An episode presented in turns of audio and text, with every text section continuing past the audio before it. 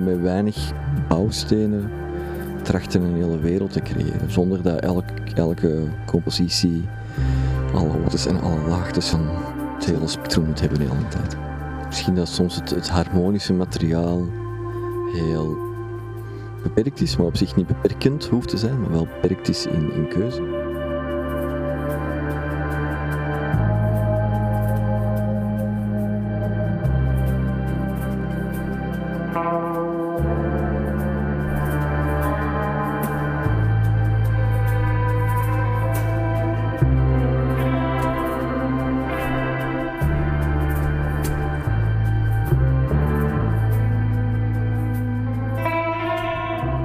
2019 gaf het Gentse festival Citadelic gitarist Philippe Wouters carte blanche.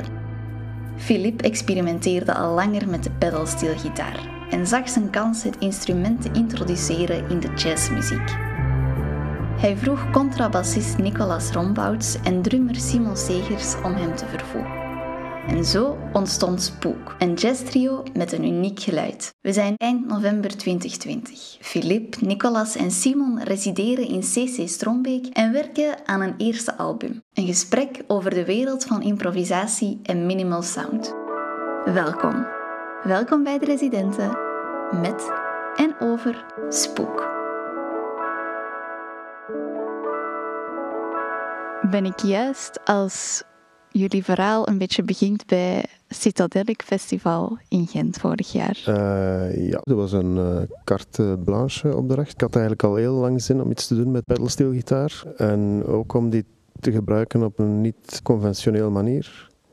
En samen met andere muzikanten. Dus dan heb ik zo een beetje zitten brainstormen wie dat ik er zou kunnen bijvragen. En dat is zo, dat ben ik bij Nicolas en Simon uitgekomen. Toen je die vraag kreeg, had je dan meteen het idee, ik wil dit doen? Dat moet altijd een beetje rijpen natuurlijk, hè, maar dat, dat, was snel beslist voor mij dat ik liefst een trio wou. Want uh, ik vind dat dat altijd heel goed werkt, trio-formule. En dan is het kwestie van, van de geschikte muzikanten daarvoor te vinden. Hè. Wat dachten jullie als jullie het telefoontje kregen? Dachten jullie direct, ja, ik doe mee? Omdat dat zo'n carte blanche is, die moment is dat niet de vraag van gaan we een groep beginnen en een plaat maken en we zien. Allee, het ging echt heel specifiek over voor één concert. Is iets uitproberen dan, dan leek mij dat al onmiddellijk wel heel ja, Dan maakt het ook leuk, want dan kun je echt jezelf zijn. Hè. Dan kun je niet... Ja. Dan, dan heb je gewoon zoiets van, we proberen iets met ons drieën. En je doet wat je doet en je, zie, je kijkt of dat matcht. Dat is, ja, ja. Dat is de bedoeling van zo'n carte blanche. En dan ga je verder of niet. Dat, dat, is dat niet gebeurd zijn, dan, ook niet, ja, dan is dat, ook, niet dan is dat geen ramp. Dus dat, dus dat, is, dat, is, dat is het leuke aan zo'n mm -hmm. zo'n opportuniteit krijgen van een festival. Hè. Want was het wel meteen voor jou duidelijk, Philippe, want ik wil ook een drum en ook een contrabas erbij. Zeker in allee, de rol die mijn instrument dan zou spelen, dat is, dat is meer uh, in soundscapes, lange bogen. En daaronder hoorde ik dan die, die ritmesectie daaronder gaan. Dus dat was wel een beetje de muziek die in mijn hoofd zat.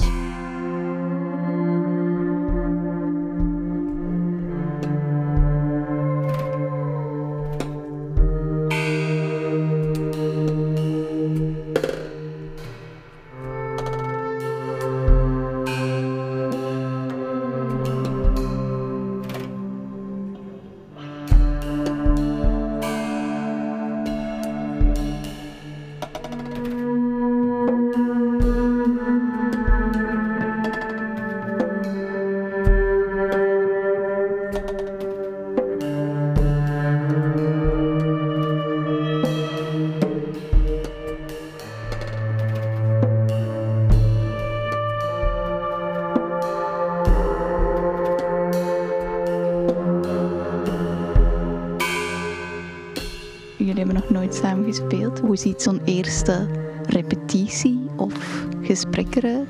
Ik had voorgesteld aan, uh, aan Nicolas, denk ik, om gewoon toch zeker ene keer samen te komen en dat ineens op te nemen. En toevallig heeft Nicolas thuis een studio, dus, en, ik heb dan een paar stukken voor geschreven. Alleen, dat is een groot woord, een paar aanzetten naar stukken. En dan hebben we gezien wat dat eruit kwam. Dan hebben we zo van elk stuk drie versies gespeeld, herinner ik mij. Een beetje zoals dat je echt in de studio bezig bent, maar dan voor de eerste keer. En dat was de basis, dat is op één namiddag vastgelegd. Dat was ook de repetitie voor het concert. Dat was op zich al een indicatie dat er wel iets, iets goed zat. Ja. En de stukken, ja, de stukken van Philips zijn openingen tot iets dat kan gebeuren. Dus we merkten dat we er ook geen schrik voor hadden om, om voor mij voelde het aan dat er onmiddellijk veel vertrouwen was. Dat je dingen kon proberen en dat dat werd opgevangen. Of, is het wel belangrijk om die aanzet al te hebben? Het was geen wit blad, maar er stond ook nog niet zoveel op. Dus ik kon echt nog heel, nee, heel veel bijkleuren. Er was een blad. Er was een blad. Ja, er was een blad, dat wel. Nicolas, jij zegt hier juist van, oorspronkelijk als Filip mij de vraag stelde, was het nog niet van we gaan een groep beginnen of we gaan een plaat maken. Wat heeft die, die doorslag gegeven? Ja, voor mij persoonlijk het concert vond ik heel, heel fijn. Ook omdat ik weet dat we eigenlijk iets te weinig materiaal hadden. En we hadden nog tien minuten, kwartier dat we moesten vullen. En dan zouden we inderdaad maar zonder blad beginnen. Allee, gewoon impro. En dat was ook heel, heel fijn. Dus dat gaf mij ook wel vertrouwen van, oké, zelfs als er niks is, is er toch een soort connectie. Is die improvisatie dan een fundament voor, voor spook? Dat sowieso meegenomen gaat worden in, het verhaal? Ja, ik denk dat wel. Dat is iets waarin we elkaar wel vinden, die improvisatie. We hebben de voorbije drie dagen hier gedaan en gezegd, gezegd van we gaan niet die nummers die we al eens gerepeteerd hebben en gespeeld nu al een paar keer, van die nog terug te doen. Want we hebben ook niet echt een concreet concert in het vooruitzicht. We gaan drie dagen echt ja, experimenteren en, en dingen uitproberen. En alles op te nemen wat we doen, zodat wij weer al een vergaarbak hebben aan, aan ideeën. En ook samen improviseren is ook repeteren. Ja. Je repeteert gewoon iets anders. Je repeteert niet wat je de volgende keer gaat spelen, maar je begint wel te voelen van ah, die, die muzikant die, die houdt van op die manier te spelen en, en dat je daar ook oor voor krijgt. Want als je nog nooit samen hebt gespeeld, dan, dan moet je elkaar ook op muzikaal gebied nog leren kennen. Hè? Ja, dan leggen ze wat dingen over elkaar en soms matchen die en soms zijn die heel uniek omdat je elkaar niet kent. En we maken dan gebruik van deze tijd om dat te ontdekken. Want ja, je kunt niet verwachten dat elke improvisatie leidt tot een mooi eindresultaat. Het is ook gewoon aftoetsen van wie, wie, wie zijn die twee anderen en, en welke verhouding tot elkaar kunnen, kunnen staan in die muziek. Improvisatie, dat moet je ook leren. En niet elke improvisatie is, is geslaagd. Dus, dus uh, in die zin is dat ook repeteren.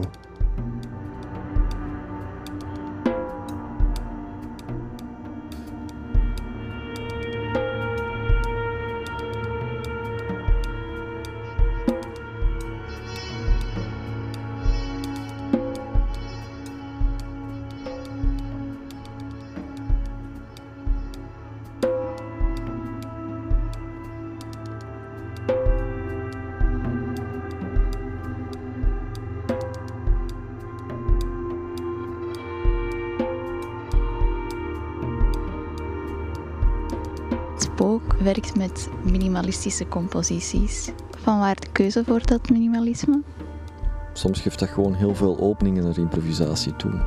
Terwijl dat nu kun je heel makkelijk eruit gaan en je kunt er heel makkelijk ook terug ingaan. Waarom is die improvisatie zo belangrijk? Voor mij is dat een deel waarom dat ik geïmproviseerde muziek graag doe en ook graag hoor, is dat de echt de stem hoort van, van die muzikant. En dat hij uh, zelf kan bepalen wat dat zijn functie is in, in dat geheel. Het is iets heel individualistisch op een bepaalde manier. Maar je plaatst u wel in die context van die band. En de manier waarop dat je dat doet, is, is, heel, is heel persoonlijk. En, en je leert die mens goed kennen, of zo, zonder ermee te praten omdat het dan wel een, een moment creëert dat je weet van er gebeurt iets dat, dat, dat die band de volgende dag niet meer gaat doen. Hij zit daarbij. Je zegt getuige van een geboorte. Ja, je zegt, er, je getuige van iets unieks. En dat is wel, als je dat kunt laten zien aan de mensen dat dat geïmproviseerd is, dan, dan heeft, dat, heeft dat toch zo'n iets van spark van hm. we zijn hier een unieke avond en we zijn hier unieke momenten aan het beleven samen. dat geeft daardoor ook heel veel connectie met het publiek. Improviseren eh, zeker op het podium improviseren is ook wel echt een mentale oefening. Ik denk dat we daar nu allemaal, we zijn er al, allemaal al redelijk ervaren en gegroeid in, maar ik weet nog de eerste keer dat je dat doet, was ik daar echt zo zenuwachtig voor. Terwijl ik mhm. in het begin, bij, mm dat, ik al, dat ik al veel in groepen speelde, waarin dat ik wist wat ik moest doen. Hè? En ook al wel wat podiumervaring had, maar de eerste laten we zeggen, echt free concerten. Dat was wel even slikken. En um, je leert jezelf daar ook wel in kennen. Free jazz of echt zo geïmproviseerde muziek heeft vaak ook al zo'n beetje de bijklank van te individueel te zijn of ze zijn daar maar wat voor hunzelf aan het spelen. Maar dat vind ik ook niet waar, want hoe langer dat, dat ik dat doe, hoe meer dat je ook probeert en echt iets nieuws voor jezelf te doen, maar ook iets nieuws te brengen voor die, voor die mensen die daar zitten. Je treedt er wel mee in contact of je zorgt ervoor dat, dat er iets gecreëerd wordt, waardoor dat ze misschien op een andere manier naar hun, hun eigen werkelijkheid zien.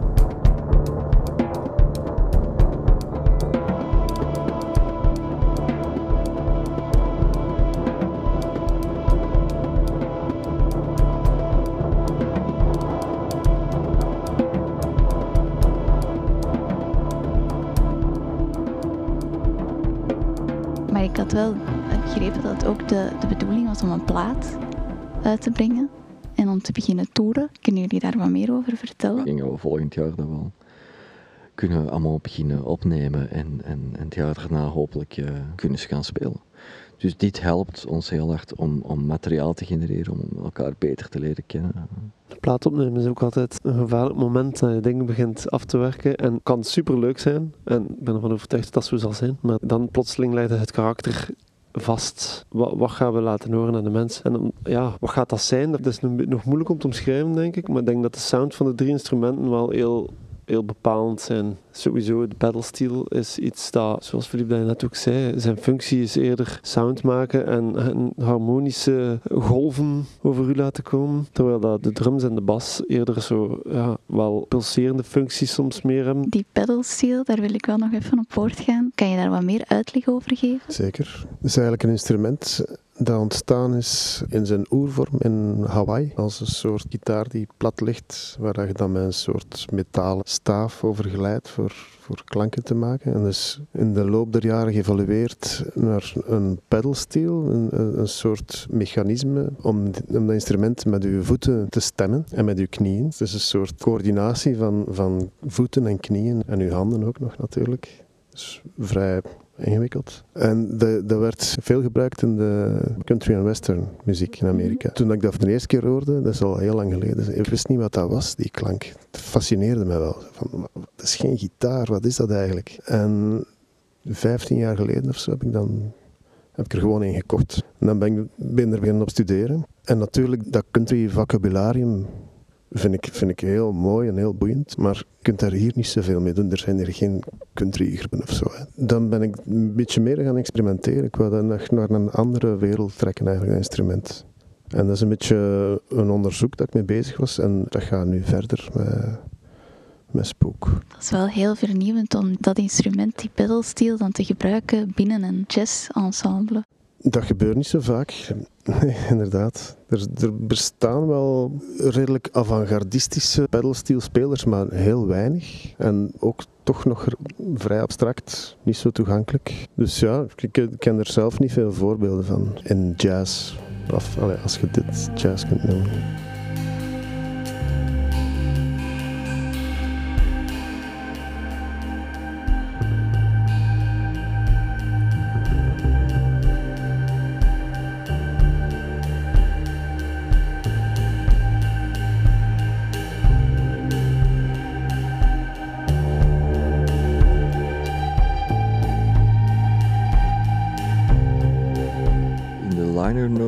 Een plaat van Ornette Coleman. Er staat er ook op een een, een kleine uh, anekdote. Hij speelde free jazz.